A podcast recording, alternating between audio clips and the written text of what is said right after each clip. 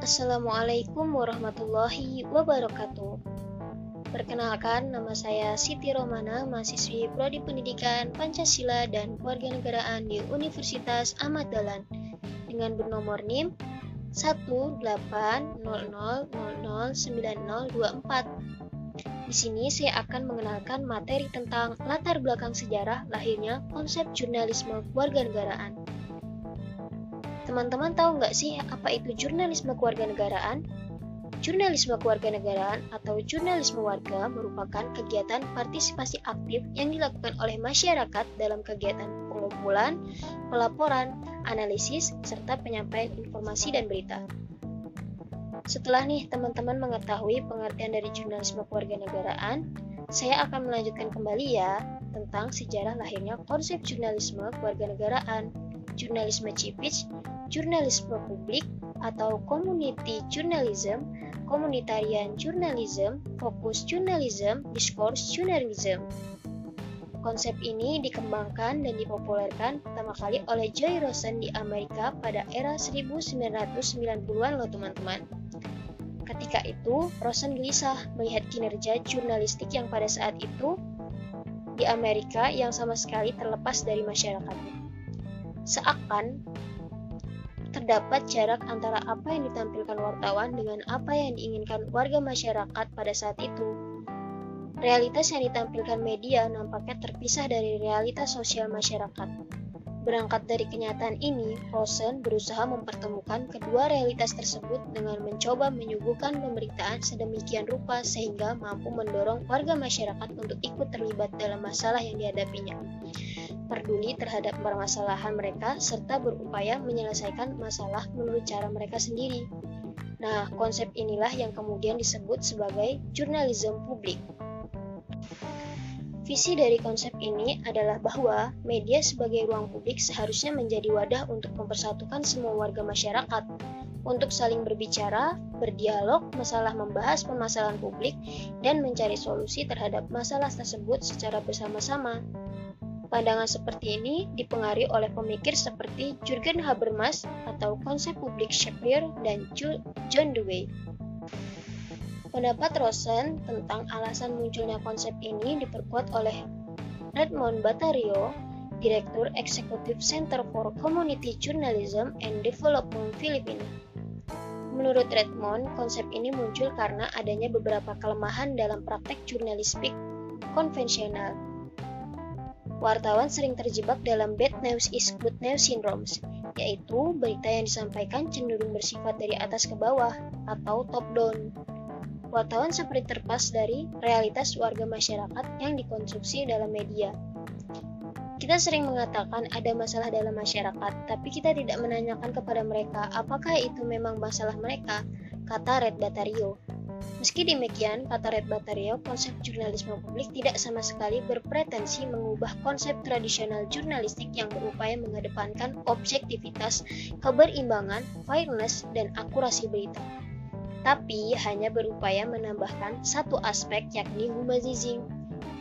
Pelibatan warga masyarakat dalam masalah dalam melihat masalah, media berkewajiban membuat masyarakat lebih proaktif dan media berfungsi sebagai katalisator. Nah, teman-teman sudah mengetahui kan latar belakang lahirnya konsep jurnalisme kewarganegaraan?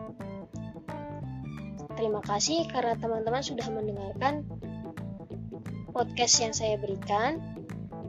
Selebihnya dan kekurangannya saya mohon maaf. Bila taufiq wal hidayah. Wassalamualaikum warahmatullahi wabarakatuh.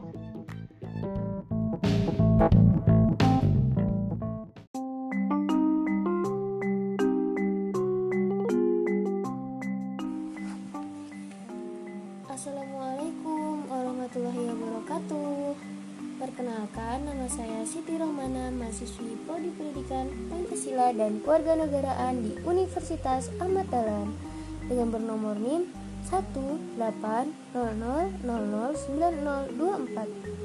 Di sini saya akan mengenalkan materi tentang latar belakang sejarah lahirnya konsep jurnalisme kewarganegaraan. Teman-teman tahu nggak sih apa itu jurnalisme kewarganegaraan? Jurnalisme kewarganegaraan atau jurnalisme warga merupakan kegiatan partisipasi aktif yang dilakukan oleh masyarakat dalam kegiatan pengumpulan, pelaporan, analisis serta penyampaian informasi dan berita. Setelah nih teman-teman mengetahui pengertian dari jurnalisme kewarganegaraan, saya akan melanjutkan kembali ya tentang sejarah lahirnya konsep jurnalisme kewarganegaraan, jurnalisme civic, atau jurnalisme publik atau community journalism, komunitarian journalism, fokus journalism, discourse journalism. Konsep ini dikembangkan dan dipopulerkan pertama kali oleh Jay Rosen di Amerika pada era 1990-an loh teman-teman. Pada saat itu, Rosen gelisah melihat kinerja jurnalistik media Amerika yang sama sekali terlepas dari masyarakatnya seakan terdapat jarak antara apa yang ditampilkan wartawan dengan apa yang diinginkan warga masyarakat pada saat itu loh teman-teman. Realitas yang ditampilkan media nampaknya terpisah dari realitas sosial masyarakat. Berangkat dari kenyataan ini, Rosen berusaha mempertemukan kedua realitas tersebut dengan mencoba menimbulkan pemberitaan sedemikian rupa, sehingga mampu mendorong warga masyarakat untuk ikut terlibat dalam masalah yang dihadapinya peduli terhadap permasalahan mereka, serta berupaya menyelesaikan masalah menurut cara mereka sendiri. Nah, konsep inilah yang kemudian disebut sebagai jurnalisme publik. Visi dari konsep ini adalah bahwa media sebagai ruang publik seharusnya menjadi wadah untuk mempersatukan semua warga masyarakat untuk saling berbicara, berdialog, masalah membahas permasalahan publik dan mencari solusi terhadap masalah tersebut secara bersama-sama.